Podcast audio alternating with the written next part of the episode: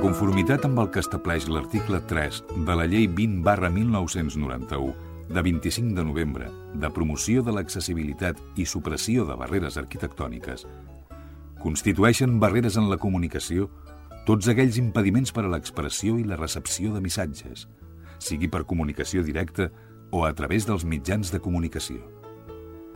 És per això que, emparant-nos en aquesta llei, volem que cada ciutadà gaudeixi del seu propi espai per moure's. Un espai sense censura. Un espai en què vosaltres sigueu els protagonistes. En definitiva, un espai per tothom. Benvinguts a Espai Vital.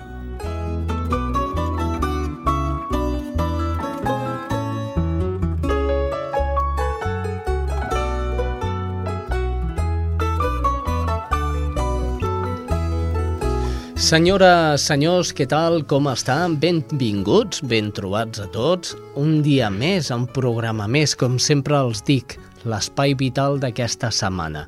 Comencem saludant, com sempre, a la nostra cuinera per deferència i perquè és ella la que ens fa el dinar quan acabem el programa, la Teresa Diviu. Què tal? Bon dia. Bon dia a tothom. Què, com estàs? Pues jo crec que estic bé. Ai, si m'han passat coses, però ja han passat, ja està. Bueno, jo no diré res. No, val Jo que no diguem res. No dit res, no dit res. Però si mira, vols ho mira, dic jo, no hi ha cap mira, problema. No diguis És res. igual. Mira de no perdre allò que has perdut. Eh? Seguim No, no, endavant. no, No, no no, mira de no no. perdre-ho. Eh? No, no he perdut, ho he deixat a casa. Molt bé, el nostre cercador, Alfredo, Alfredo Ángel Cano Toledo, també conegut com a Freddy. O de Benvingut. Todos los Santos. O de Todos los Santos, benvingut. I avui també tenim una convidada molt especial per tots nosaltres perquè ens ve solucionar un problema molt comú amb tots els nanos, amb l'aprenentatge, el llenguatge... Bé, mm, els parlarem de solucions per la dislèxia, però bé, ja, ja sentiran de què va. Hola, bon dia, Vanessa. Hola, bon dia. Benvinguda. Gràcies. Molt bé, doncs amb el control tècnic del Jordi Puy, que és el, el jefazo en, en aparatos tècnicos, comencem amb 3, 2 o 1. Estàs escoltant Espai Vital.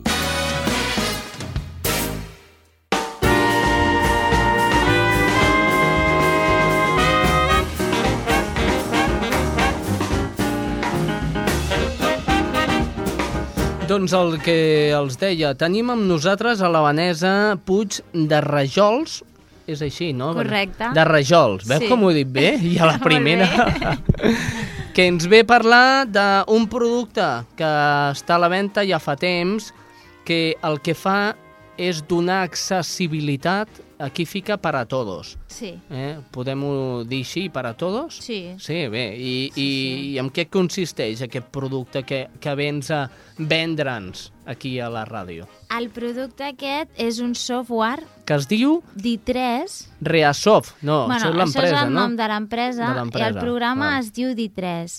Bé, Llavors, aquest programa és per nens i adults que te pateixin de, o tinguin dislèxia. hmm. Llavors el programa el que fa és eh, donar l'oportunitat de que aquestes persones puguin aprendre a llegir i a escriure a través de tres programes que estan a dins d'aquest software. estem parlant d'ordinador, eh? Ho dic per aquelles persones que ens esteu Correcte. escoltant, és llegir per ordinador. Correcte. Sí, val. Llavors el programa el que fa és a través d'una veu sintètica Mm. ajuda aquestes persones a que aprenguin a llegir Ahà. I llavors el, tenim dos programes concrets per la lectura.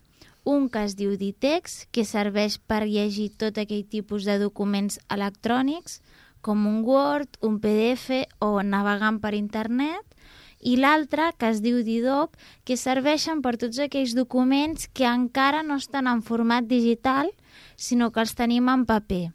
Llavors, a través d'un escàner s'escane- s'escanegen aquests llibres, documents o diaris, llavors es passen a l'ordinador i aquest ordinador li llegeix. Tot a través d'una veu sintètica, que aquestes veus sintètiques són de persones reals. O sigui, no són veus creades per ordinador, sinó que són veus que són persones que han estat llegint documents i han ofert la seva veu en el programa. És a dir, si tu veus eh, llegit eh, caballo, diu caballo, no diu cavalli, oh, no? No, no, diu no, correcte. caballo. Correcte. Molt bé. Llavors, l'últim programa que tenim és el Dilet, Mhm. que el que fa és ajudar a escriure a través d'un predictor de paraules. Si l'ordinador té un diccionari configurat amb unes paraules que són les que possiblement aquesta persona pugui necessitar a l'hora d'escriure. Però l'avantatge que té és que aquests diccionaris es poden ampliar i es poden fer temàtiques de diccionari. O sigui, tu pots crear un diccionari de naturals, un de socials, un d'un llibre que t'estiguis llegint, i així sempre eh, aquelles paraules estan introduïdes dins de l'ordinador i a l'hora de fer qualsevol escrit relacionat amb algun d'aquests temes tenen el vocabulari adequat per poder escriure. Uh Mira, per, per comprovar si la gent gran que ens escolten des de casa ens han entès, tenim una persona que ens pot dir si ho ha entès o no, que Mhm. si ella ho ha entès, ho han entès tots. Ahà. I és la Teresa. Teresa, què has entès tu del que ens ha explicat la Vanessa? Pues, pues tu, perquè aquestes coses ja estic mig. no veus que a casa estan amb ordenadors i amb... perquè la meva filla em ven d'ordenadors, l'altre està... Bé, bé, però tu ho has entès? Sí, que si el llegeixes Mm.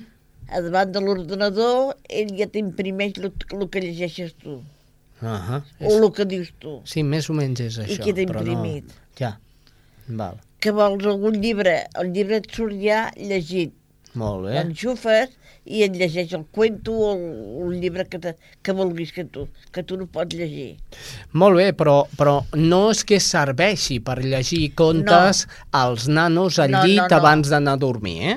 No, és per la canalla que tenen malament, llegeixen malament. Té un, tenen un problema que es diu dislèxia. Dislèxia. Dislèxia, que mm -hmm. és una paraula eh, que no es coneix molt el significat d'aquesta paraula, però que hi és, i sobretot amb edats avançades amb els nanos, que és el moment de l'aprenentatge, no? Clar, la dislèxia es detecta aproximadament quan comencen a, a llegir.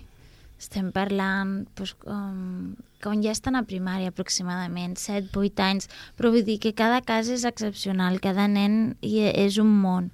O sigui, hi ha nens que se'ls detecta molt ràpid i hi ha nens que se'ls detecta més tard.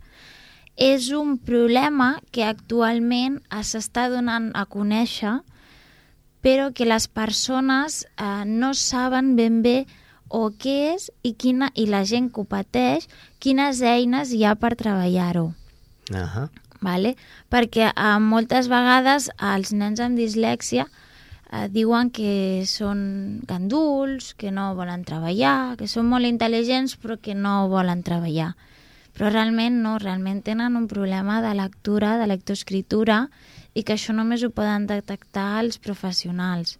Llavors, en el moment que es detecta aquest problema, hi ha eines d'actuació. Sempre és important una reeducació amb els professionals, logopedes, pedagògics i psicòlegs, i com a eina complementària per casa hi ha aquest programa nostre que es diu D3.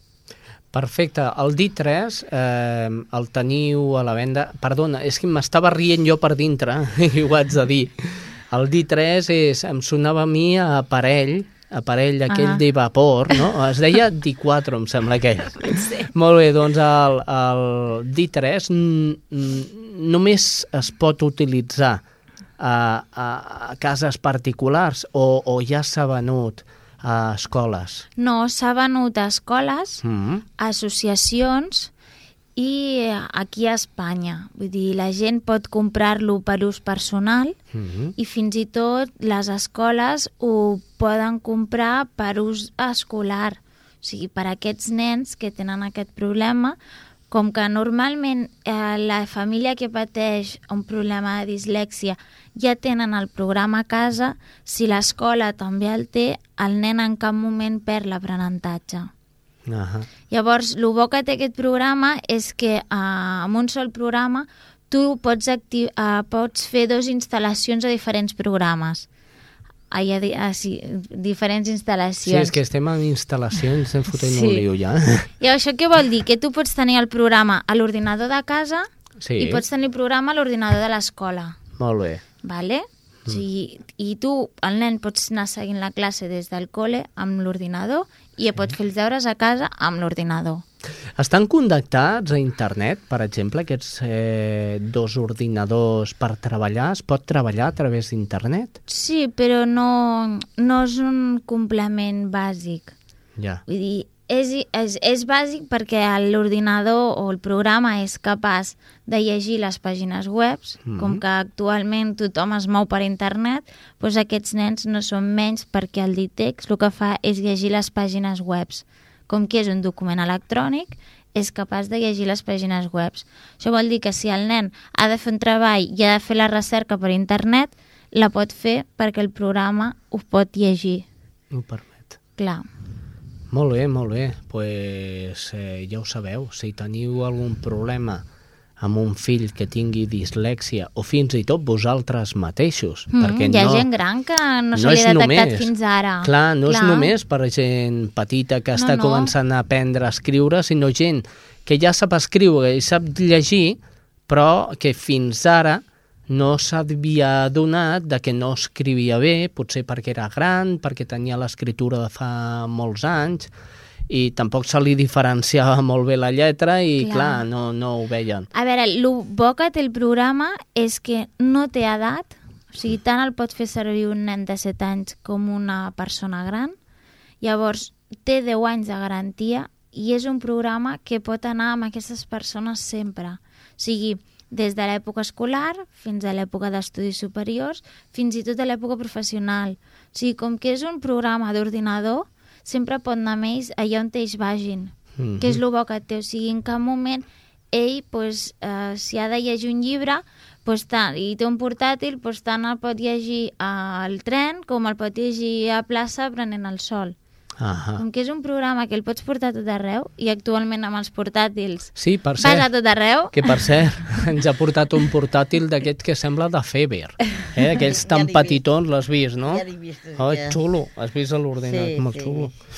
Doncs molt bé, eh, doncs això, podeu treballar en una plaça prenent un cafè, podeu treballar a casa, podeu treballar a l'escola, eh, podeu treballar on vulgueu amb aquest, amb aquest programa i jo, des de l'Espai Vital, us el recomano.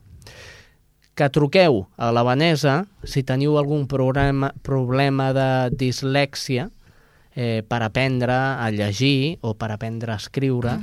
Y la mateixa Vanessa, como es una persona muy importante dentro de la empresa que crea aquest programa, que és l'empresa Reasoft, eh, ella el que farà és vendre-us aquest programa a quin preu, Vanessa?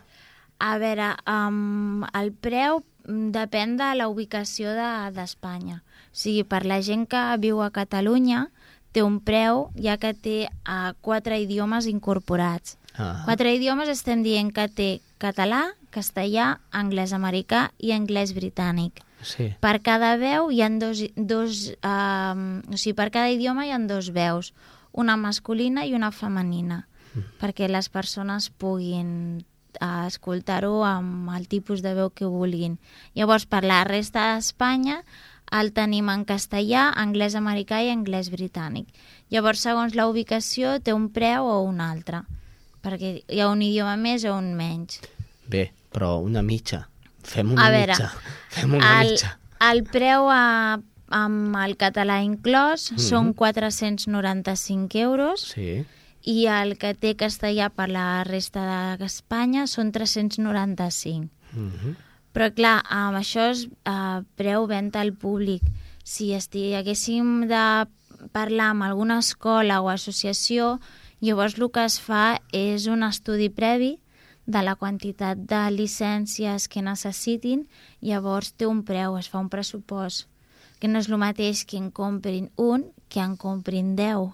Bé, sí, això, hecha, hecho el producto, vendo el producto, cuantos Clar. más venda, más barato sale. No, clar, però hem de pensar que, per exemple, una escola eh, Mhm. poden tenir eh, ni molts ni pocs nens, però sí que si els tenen, com a mínim es tinguin preparats per ells. Ahà. Llavors, clar, el, el, el venda al públic a una sola persona pues, té un preu que és per un. Però clar, sempre hem de pensar que no és el mateix comprar-ne un que comprar-ne deu. Sí. Però bueno, també si s'està afiliat en alguna associació té un petit descompte. Bé, però això, això ja ho parlaríem. Això ja, un cop et truquessin, Clar. ja parlaríeu de més preus i més Clar. descomptes i ubicacions i més ordinadors i Clar, més programes. I... No és el mateix, per exemple, amb una persona que vingui detectada per l'Hospital Sant Joan de Déu Mm. que una persona que, pues, que, que es, li hagin detectat així una mica per sobre que té dislèxia. Ja. Clar, però vull dir, el, el Què, preu què vols és dir? aquest... Que és més barat o si ve del No. Joan de Déu, Sant Joan bueno, de Déu? perquè, no, és el que diem, um, el Sant Joan de Déu, ai, sí, Sant Joan de Déu treballa amb els nostres programes. Mhm. Llavors representa que venen aconsellats. Vol dir que ells treballen amb el nostre programa i que el nostre programa ve eh, reconegut per uns professionals. Llavors doncs, se'ls fa aquest petit descompte. Però jo crec que el més important, sí que el preu és important, però és més si tu el, el desgloses amb la quantitat d'anys que el pots fer servir, Mhm. el preu es transforma en mínim. Et faré un repte, Vanessa. Mhm. Vale? Vale. Jo no sóc Sant Joan de Déu, Vale. però si qualsevol persona que escolti Espai Vital Mhm. vol accedir a aquest programa tindrà un descompte igual que Sant Joan de Déu? Bueno, i això ho haig de parlar amb el meu responsable. Jo no, no tinc poder de decisió en aquest sentit, però, bueno, però sempre es pot parlar i es pot negociar. Vull dir, per això no hi ha cap tipus de problema. L'important és que ells sàpiguen que això existeix i que aquestes persones puguin tenir una educació i uns coneixements bàsics d'escriptura i lectura, perquè en el moment que es coneix això poden anar pel món. Molt bé, intenta canviar-me de... Eh? Intenta canviar-me per allò... Eh, li dir allò que li he dit, però no patiu. Vosaltres truqueu i ja veureu com us el farà. Vanessa, ho hem de deixar aquí. T'agraïm moltíssim que ja ens, ens hagis vingut a presentar aquest programa, que de veritat ho trobem força interessant. I totes les persones que puguin ser dislèxiques o tinguin nanos dislèxics, eh, problemes d'aprenentatge i lectura, penso que haurien d'aprofitar aquesta oportunitat i parlar amb tu. Vanessa, Mhm, d'acord. mo molt amable. Pues gràcies per convidar-me.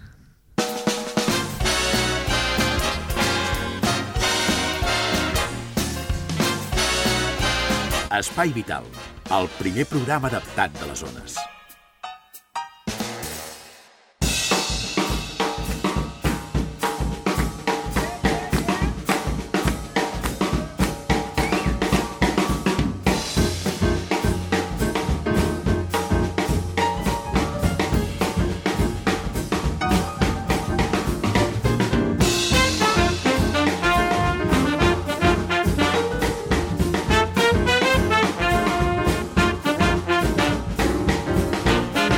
La Creu Roja ha endegat la nova temporada per aquest 2009-2010 ja està treballant força i força. De fet, la nostra companya, Rosa Morante, dels serveis informatius de Cerdanyola Ràdio, ha realitzat una entrevista amb Mari Carmen Macías. Escoltem-la. Avui a Espai Vital us parlem d'un simulacre d'accident a Collserola que ha estat la primera acció d'entrenament del voluntariat de l'Assemblea Comarcal de Cerdanyola, Ripollet i Montcada de la Creu Roja. L'Assemblea Local de la Creu Roja, Cerdanyola, Ripollet i Montcada ha començat a preparar ja la temporada alta dels serveis preventius i emergències. Amb l'arribada del bon temps, cada cop són més les activitats festives, esportives o culturals que se celebren a l'aire lliure i amb elles la necessitat d'aquest tipus de dispositius. En aquest sentit, l'Assemblea va preparar la setmana passada un simulacre d'accident a Collserola per millorar la preparació i entrenar els voluntaris dels serveis preventius i d'emergències d'aquests municipis.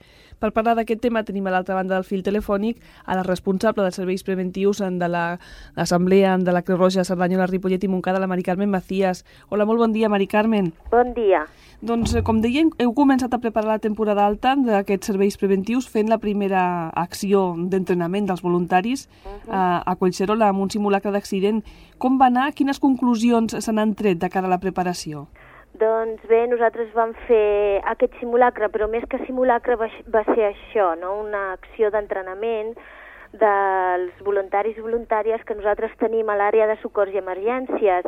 Vam fer eh, no només un simulacre d'accidents, sinó que vam fer diferents tipus de, de situacions. Per exemple, com a accidents teníem un, una persona que venia en moto per allà per Colserola i va tenir un accident, també vam tenir una persona que es havia cremat les mans, un precipitat, un senyor que caminava, i també una persona que havia patit un, un, un infart i, i havia quedat parat, tenia parada cardiorrespiratòria. Eh, van participar al voltant de 40 voluntaris i voluntàries. La veritat és que nosaltres eh, vam quedar molt satisfets. Els nostres voluntaris i voluntàries van, van respondre tal i com nosaltres pensàvem que ho farien, ja que eh, encara que siguin voluntaris i voluntàries són professionals del socors i les emergències. I, Mari Carmen, quines altres activitats es porten a terme per preparar el voluntariat de cara a aquesta temporada alta? Doncs nosaltres el que fem són eh, cursos de reciclatge per a aquests voluntaris. Aquí a la nostra assemblea preparem eh, pels dissabtes eh, reciclatges que van des de com preparar els nostres voluntaris perquè donguin suport humà, eh, fins a pacients eh, eh, o víctimes politraumàtiques, eh, cremades, bueno, tot el que el, els professionals poden trobar-se en un servei preventiu. Mm, quins són els aspectes eh, principals que s'han de treballar? Suposem que no només els físics, sinó també els psicològics. Ah, això mateix. Nosaltres preparem també els nostres voluntaris en el dol com eh, fer suport a aquestes persones que han patit una malaltia sobrevinguda o un accident, com eh, tractar aquestes persones, com tractar els familiars que possiblement estan amb ells o altres persones que estan al voltant.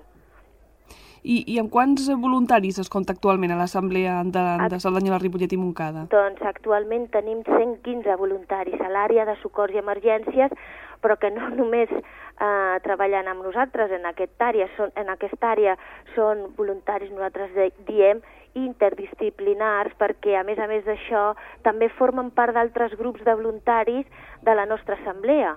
Per exemple, hi ha eh, voluntaris que estan en socors i emergències, però també estan a l'àrea social fent coses amb persones amb discapacitat o, o, o també fan coses amb nosaltres amb immigrants. Vull dir que no només eh, fan la seva tasca a socors i emergències.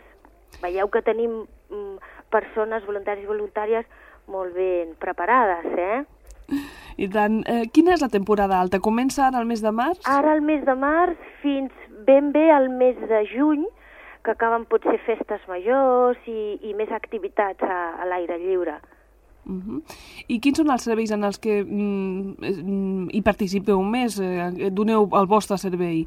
No, bueno, és que nosaltres tant fem eh, en, en, part, en serveis preventius esportius, culturals, de, de concerts, per, per exemple, ara a Cerdanyola s'apropa la festa major al maig i nosaltres eh, cobrim gairebé tota la festa major, eh, tant en events deportius com cult culturals. Uh -huh. A més del voluntariat, eh, que és bàsic, eh, també suposem que és molt important tenir una bona, unes bones eines, uns bons materials. Està dotat eh, la Creu Roja de Cerdanyola, Ripollet i Montcada d'aquests materials i d'aquestes eh, eines per fer bé la feina? I tant, i tant. Eh, nosaltres eh, eh, ara per ara tenim, comptem en tres en tres ambulàncies, a més a més de vehicles de suport, de lançadera, que són eh, de transport adaptat, i les nostres eh, ambulàncies estan preparades amb tot el material indispensable i més per poder fer una bona actuació. Les nostres ambulàncies de fa uns anys fins aquí mm, tenim, estan preparades amb, amb el DEA, el DEA és el desfibrilador d'esterra automàtic, els nostres voluntaris estan formats en aquest eh, aspecte i a més a més cada any es fa un reciclatge per poder eh, utilitzar el, el, el DEA, el desfibrilador extern automàtic. Vull dir, tenim els pulsioxímetres, tenim tot el material necessari per poder fer una bona actuació. I, i Mari Carmen, eh, els cursos de formació que habitualment eh, fa la Creu Roja eh, també van per aquest camí? És a dir, eh, com, com estan ara actualment? No sé si esteu a, a mig curs, si feu, en feu de mensuals... Mm, nosaltres programem durant tot l'any cursos d'assistència sanitària immediata, eh, que són els, els cursos modulars de la Creu Roja, són de 50 hores, després tenim un altre de 110 hores, però a més a més els nostres voluntaris tenen cursos eh, que, són, que van més enllà, no? Es, els prepara per fer els serveis preventius i per tant tenim monogràfics de, de comunicació, de, per, per estar preparat en grans catàstrofes, això eh, li fem als nostres voluntaris. Doncs Mari Carme Macías, no sé si vols afegir alguna coseta més. En tot cas, nosaltres des d'aquí, això, eh, recordem que s'ha inici iniciat ja aquesta temporada alta dels serveis preventius i d'emergències. És una temporada que s'engega al mes de març i que s'allarga fins a l'estiu. La Mari Carme Macías és la responsable d'aquests serveis eh, preventius i d'emergències d'aquí de l'Assemblea de Cerdanyola, Ripollet i Montcada. Doncs moltes gràcies per atendre aquesta trucada, Mari Carmen, i fins un altre dia. Bona feina. Moltes gràcies. Bon dia.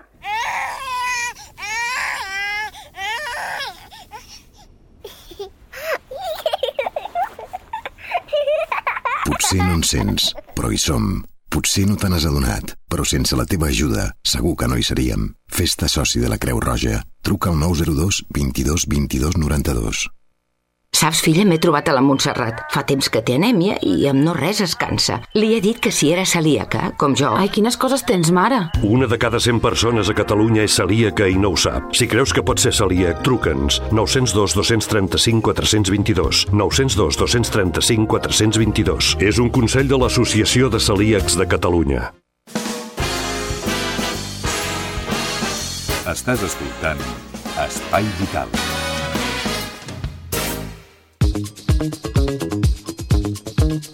Venim de Creu Roja, d'aquesta entrevista tan maca que ens ha fet eh, la, la Rosa Morante, de Cerdanyola Ràdio, però mm, estava comentant amb la Vanessa Puig de Ràjols, eh, que ho he dit bé un altre cop, Sí. eh? eh? això que t'he acomiadat i t'ho torno a dir, que no hem dit ni la web ni el número de telèfon on podeu localitzar la Vanessa. Hem dit, pues no pot ser, si fem això em trucaran a mi.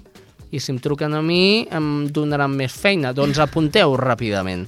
El telèfon de eh, la Vanessa és el 93 219 80 65 93 219 80 65. També té un número mòbil per allò de que aquesta noia va voltant, eh, donant voltes per tot el país i fora d'ell, que és el 600 556 821.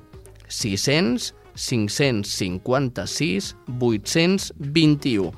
I en el cas de que ni el telèfon fixe ni el telèfon mòbil la pugueu trucar, podeu anar a veure ràpidament la plana web d'aquesta empresa Reasoft, que és eh, les 3 W reasoft.com. Ah, per cert, i un correu electrònic, Vanessa, doncs sí, podem trobar en qualsevol moment. Vanessa arroba reasoft, amb H intercalada entre la E i la A, punt com. Repeteixo, Vanessa arroba reasoft.com. El reasoft acabat amb T. Molt bé, doncs ara sí. Roda informativa, anem a conèixer com està la situació sanitària aquí, al Vallès Occidental. Comencem amb Cerdanyola. Allà es troba la Mònica González.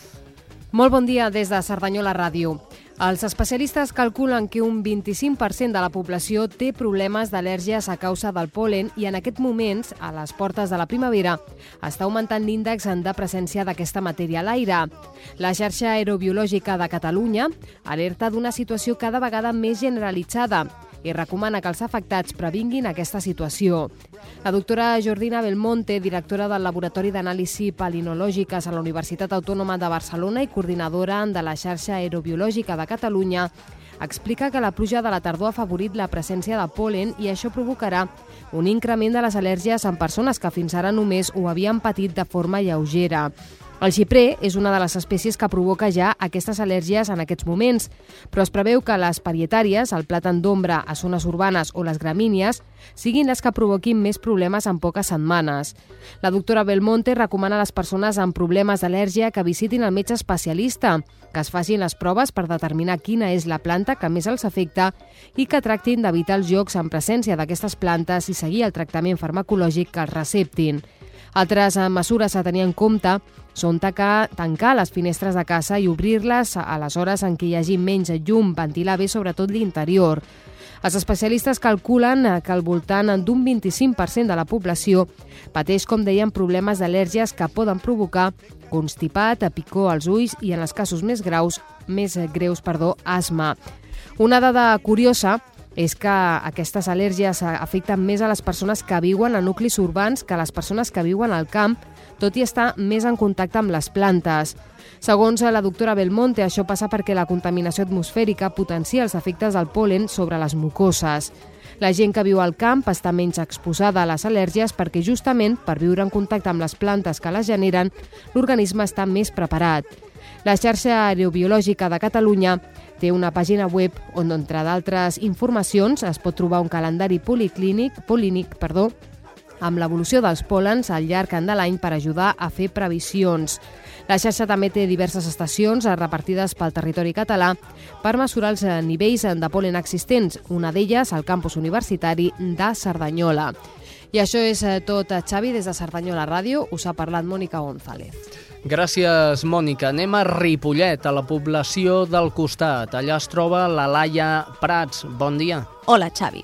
Avui des de Ripollet t'expliquem que el passat 19 de març va tenir lloc l'acte de lliurament d'ajuts 2008 de l'Institut d'Investigació en Atenció Primària Jordi Gol i Gorina al Centre Corporatiu de l'Institut Català de la Salut. En la seva cinquena convocatòria d'ajuts a projectes d'investigació en atenció primària, la IDEAP ha atorgat al SAP Cerdanyola Ripollet dues aportacions a l'impuls d'estratègies d'investigació. Els dos projectes premiats han estat el Pla Estratègic d'Investigació per a la Patologia relacionada amb l'Aviant, que té com a investigador principal a Rafael Abós, de l'EAP Ripollet, i el Pla Estratègic d'Investigació per als Trastorns del Ferro associats a alteracions endocrines de Maria José Pérez Lucena, com a investigadora principal de l'EAP Serra Parera de Cerdanyola del Vallès. Aquestes línies de recerca en atenció primària amb anterioritat han tingut diverses subvencions públiques i competitives. Entre elles cal destacar les beques atorgades pel Fondo de Investigació Sanitària del Ministeri de Sanitat. Els resultats d'aquests estudis beneficien directament a la població en general i més concretament als pacients que tenen problemes de salut amb les patologies relacionades amb l'amiant i trastorns del ferro associats a alteracions endocrines. I això és tot fins la setmana vinent. Fins la setmana vinent, Laia. Anem cap a Barberà. Allà es troba la Núria Núria Cabrera. Hola Xavi i hola també a tots els oients de l'Espai Vital. Avui des de Barberà del Vallès us parlem de l'Ajuntament que va retre durant aquests dies homenatge als avis i àvies de 90 anys del nostre municipi. La Torre d'Angós va ser l'escenari d'una festa que es va oferir doncs, als 14 homenatjats i als seus familiars. L'homenatge es va iniciar amb un dinar amenitzat per la parella de Vall Petrusca. A continuació, l'alcaldessa de Barberà del Vallès, Ana del Frago, i la regidora del programa per la tercera edat, Mercè Quadrado, van lliurar a tots els nonagenaris un recordatori i van parlar personalment amb cadascun d'ells. Per concloure aquest acte de celebració es va oferir un espectacle de cafè-teatre Ponele Onda de la companyia Tan Gorditos. Des de Barberà és tot. Gràcies, Núria Cabrera. Anem cap a Montcada, allà es troba la Sílvia Díaz, que li donem el bon dia. Hola, salutacions des de Montcada, l'Espai Vital. Recentment, el Departament d'Acció Social i Ciutadania ha anunciat que promourà fins al 2012 al Vallès Occidental 1.190 noves places públiques per atendre la gent gran, les persones amb discapacitats i les persones amb malalties mentals. Paral·lelament, també s'impulsaran unes 160 places per a persones amb problemes de drogodependències i afectats pel virus de la sida. Aquestes places figuren a la programació territorial fins al 2012 i permetran a la comarca assolir els nivells de cobertura recomanats als estàndards europeus. Davant d'aquestes dades, des de Montcada hem volgut fer balanç de l'atenció domiciliària i dir que a data de 31 de gener de 2009, segons dades de serveis socials, 222 persones són usuàries de l'atenció domiciliària, 91 ho són pels acords d'aplicació de la llei de dependència i les 131 restants per vulnerabilitat, que són ajuts que concedeix l'Ajuntament quan el cuidador principal de l'usuari no està disponible. El 2008, segons les dades de serveis socials, es van fer més de 30.000 hores de servei, el que va suposar suposar per a les arques municipals una despesa de més de mig milió d'euros. Per donar cobertura a aquests usuaris, una quarantena de treballadores familiars s'encarrega de tasques com acompanyar i passejar els usuaris, netejar-los i vestir-los, així com donar-los suport en les tasques de la llar. La majoria de persones ateses a Montcada són gent gran o discapacitats. Doncs bé, això és tot per avui. Fins la pròxima. Adéu-siau. Adéu-siau, Sílvia. Anem ara amb la última de les connexions de la coproducció d'Espai Vital. La última, que no ens agradi mai la última, perquè segur que demà estaràs tu connectat. Santa Perpètua de la Moguda, la nostra corresponsal allà, que és també mm, personal d'informatius, és l'Estrella Núñez. Hola Xavi, salutacions des de Santa Perpètua de Mogoda a tots els seguidors de l'Espai Vital. Aquesta setmana us expliquem que el cicle de passejades adreçat als majors de 60 anys està tenint molt d'èxit a la nostra ciutat. Ja s'han fet tres de les sortides del programa a 100 cap al 100 de l'àrea d'esports de la Diputació de Barcelona, al qual s'ha adherit per primer cop l'Ajuntament de Santa Perpètua. Per ara s'ha donat una mitjana de 25 participants. El cicle consta de quatre passejades diferents. La primera va ser al Parc Natural de Collserola. També se n'han fet altres dues, a Sant Llorenç del Munt i aquest mes al Parc Natural del Garraf. Estava programat anar a Montserrat, però l'accés encara estava tancat i es va canviar pel Parc Natural del Garraf. El cicle es clourà el mes de maig i en funció de la temperatura es farà a Montserrat o al Montnegre. Les persones majors de 60 anys que estiguin interessades a prendre part en la última d'aquestes caminades s'han d'adreçar al pavelló municipal d'esports on estan situades les oficines de la regidoria d'esports i inscriure's. L'objectiu d'aquest cicle és fomentar l'interès entre la gent gran a fer caminades amb regularitat, relacionar-se amb el medi ambient i fomentar les relacions interpersonals. Cal tenir en compte, però, que la durada aproximada de cada passejada és d'unes 3 hores i això limita les persones que hi poden participar. Les passejades compten amb guies especialitzats en la zona que van donant les oportunes explicacions sobre l'entorn per on es passa. També es preveuen les parades per esmorzar i per dinar. Més de 20, 20 perpetuencs estan participant al cicle de passejades a 100 cap al 100, organitzat per l'àrea d'esports de la Diputació de Barcelona. L'Ajuntament de Santa Perpètua s'ha adherit per primera vegada a aquest programa adreçat als majors de 60 anys. I això és tot per avui a Santa Perpètua. Ens acomiadem. Bona setmana, Xavi. Adeu. Estàs escoltant Espai Vital.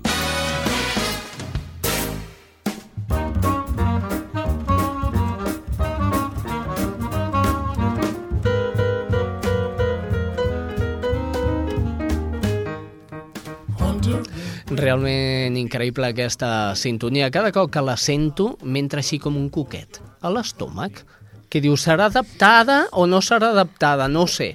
Pues però, sí, però, adaptat, però, però el coquet, el coquet d'aquí em diu sempre que pues tinc aquest, gana. Aquest ho he fet per tu, encara fa fred, ho podreu menjar encara. Mm, què, què ens porta avui la Teresa? Botifarres esparracades amb mongetes del ganxet. Ah, Ara sí que... Ah, jo sé com va, jo Eh, tu ja- saps com va, ja. Ja, Ja, ja, eh, ja ha dit- xafardejar, ja ha dit, ha dit, ha dit esparracades, no? Jo, i perquè he llegit aquesta recepta... Ah, però no de- saps què vol dir esparracada? Sí, vol dir aixafats amb la forquilla. Ah, val, val, ja està, ja. No, és que jo esparracada, doncs... Jo no. tampoc, però mira, he llegit. Ah, està, llegint se n'aprèn. Sí, perquè, escolta, les meves receptes ja han marxat. I em van llegint i les adapto jo. Molt bé, doncs, botifarres eh, esparracades, que si fossis de Lleida hauries de dir llangonisses esparracades. Ah, això no ho sé Sabies jo. tu? La botifarra a Lleida en diuen llangonissa. Llangonissa. Bueno, La llangonissa. Sí, Jo però no, no és la llangonissa aquesta seca, no, no, crua. eh? és la botifarra crua. Botifarra crua, sí. Bueno, Molt bé. ingredients, Ingredients. 800 grams de, de mongetes del llanganxet cuites. Molt bé. Aquí posa dues botifarres crues. Si no... Bueno, sí, bueno, dues botifarres crues que, pels que sigueu. I dues botifarres negres. Eh, allà em posava 12 alls tendres, però jo trobo masses alls. Que feu una, dos o tres alls tendres. Oli i sal. Molt bé. Vinga, ja tenim els Bueno, ingredients. els ingredients. Preparem la paella? La o... paella, sí, la paella, i Val. posem l'oli. Fica-la calentat, xiquitín. I posem la botifarra crua i traiem, les bullim, li traiem la, la tripa. Val. La posem allà a fregir. Mm. L'aneu aixafant amb la forquilla. Com la teniu a mig coure i tireu els alls. Els alls els, els talleu petitons, allò, alls però tendres, eh? Sí, sí, sí, Tra- tra- Traieu el que s'hagi de treure Ben talladet. i en quan ben talladet. Tu sabies que si li treus la llavor de dintre no pica? Bueno, però aquest és, és diferent. Això els altres... Apa, aquest ha de picar, val.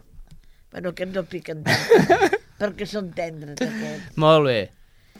Els tirem allà amb la, amb la botifarra. Ah, vale, alls tendres, no? Alls ah, tendres. clar, jo és que ara pensava en alls. Alls dels altres, no sí, els ja, ja. de treure això- el cor. Val, val, val, ja està, ja està. Ara Alls sí. tendres. No, sí, és que no estic avui. I els aneu fregint allà amb la botifarra. Mm -hmm. Que ho teniu a mig fregir i poseu la botifarra negra, també traieu-li la tripa i també aixafat allà dintre, aneu aixafant, aneu aixafant. Com ja ho tingueu ja fet, escorreu les mongetes i les tireu allà juntes, doneu un parell de remenades i ja teniu el dinar fet. I és un plat únic. No, i eh, la veritat és que, encara que només has parlat, la flaire ja m'està Eh que arribant. sí? Ah. Vés a mirar, xiquitín, si estan pinta. fregint. Eh, Les si estan fregint alguna els cosa, alls. això, això comença a fer molta olor a botifarra esparracada, eh? Ja tinc preparat també, més endavant, un postre, que també és molt bo. I com es diu aquest postre que no ens diràs avui? Uh, aquest postre, doncs pues mira, Ai! fruit, fruita del temps, amb iogurt, Mm. amb crema de formatge Sí. i gelat de nata amb trossos de xocolata. Massa llarg el nom, eh? No, no, no, que, no, tindrem no. que fer una miqueta més curt. Ho direm, doncs pues mira, fruita del temps, amb, amb formatge. No, la fruita del temps de la Teresa. Això. Eh? Molt bé, i no ens ja la pots dir avui, no? Ah, si vols, sí. Ah, doncs vinga, vinga, Mira. que m'has deixat, m'has Has deixat, deixat. aturat. Mira, agafeu dos iogurts naturals. Sí, dos naturals. Dos iogurts naturals. No poden ser de sabors, eh? No, Val, natural i no amb sucre. no. No, Dos iogurts naturals. molt bé. Agafem dues cullerades d'aquesta crema de, de formatge.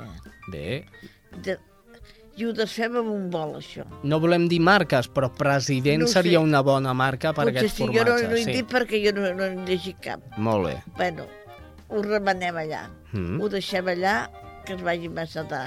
Ah, això sí, el iogurt primer l'heu de posar amb un colador que marxi tot eh, el líquid que té.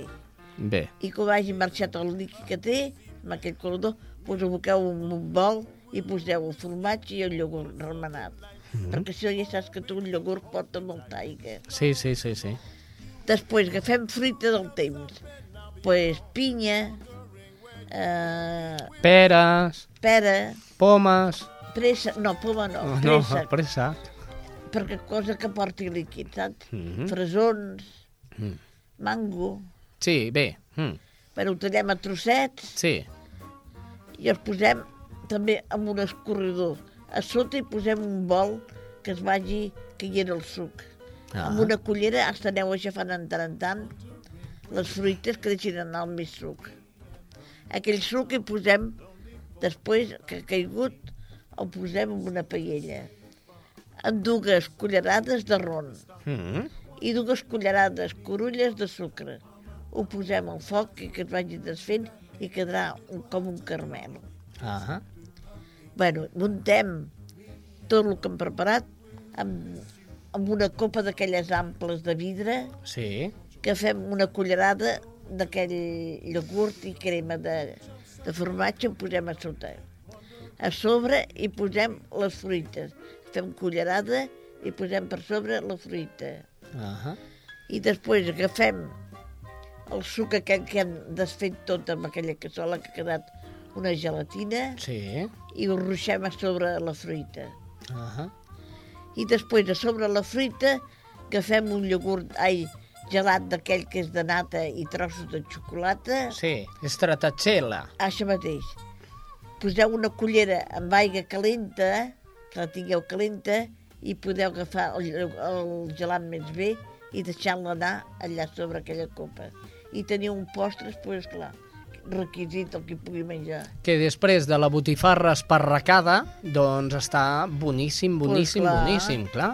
I jo penso que, que eh, mentre anem menjant, mm, mentre anem menjant, què et semblaria que escoltéssim les notícies que ens porta avui el cercador? Doncs pues va, eh? anem, anem, sí, a veure si són importants avui. Bueno, repassem. La primera diu experts de la UPC, Universitat Politècnica de Catalunya, és que així em queda més interessant. UPC, Universitat Politècnica de Catalunya, creen un sistema intel·ligent de diagnosi de tumors cerebrals. La notícia ens la porta, com sempre, el nostre cercador. Un equip d'investigadors de la Universitat Politècnica de Catalunya, UPC, ha dissenyat un sistema intel·ligent de suport al diagnòstic de tumors cerebrals capaç d'ajudar els metges prendre decisions, especialment en els casos ambigus en els quals és difícil determinar de quin tipus som. El sistema anomenat AID Tumor es basa en les dades que s'obtenen amb una espectrometria de ressonància magnètica del tumor, amb la qual, a través de mesurament a diferents freqüències, es determina el compost bioquímic del tumor. Segons ha explicat en roda de premsa el físic Alfredo Bellido, el director de l'equip i membre del grup d'investigació d'intel·ligència artificial de la UPC. Mira, es diu com tu. Doncs sí. Al Alfredo. Sí, sí. Molt bé, segona notícia. Enguany hi haurà 12 milions de nou casos de càncer. Uns 200.000 seran a Espanya. Bé, una notícia mm, no molt esperançadora, però des d'Espai Vital volem fer-la esperançadora. Aquest 2009 es diagnosticaran 12.000 milions de nous casos de càncer al món, 12.000 d'ells a Espanya, on la meitat seran causa de mort.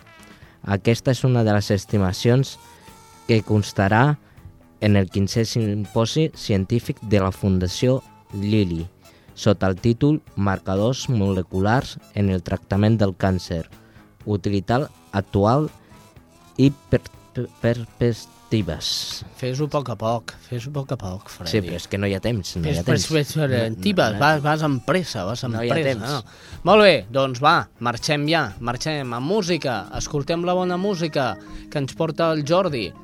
Qui és? A veure, a veure si l'endevineu. Els pets, em sembla.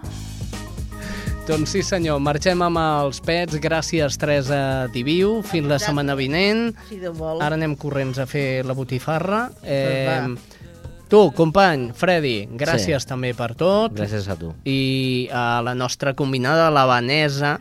Espera, espera, que ho diré bé, eh, per marxar i dir-ho un altre cop bé. Puig de Ràjols. Ho he dit bé, no? Sí. Vanessa, gràcies. Gràcies a vosaltres. El nostre tècnic, Jordi Puy. Fins la setmana vinent, companys. Adeu. Ungles brutes i un munt de repels. Enfilant-se un arbre ple de préssecs vermells. Després de la bassa tots nuets. Vigilant la roba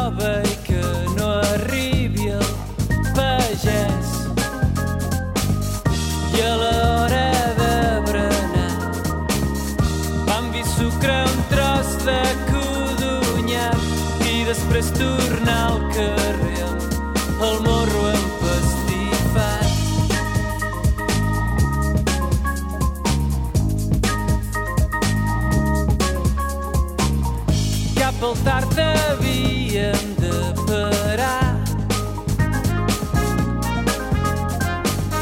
de jugar a futbol i veure els carros passar amb el gos al darrere lligat batenell sempre a la guaita no ser apedregat després d'haver sopat va torrat amb un bon tros de tall a la fresca vigilats jugàvem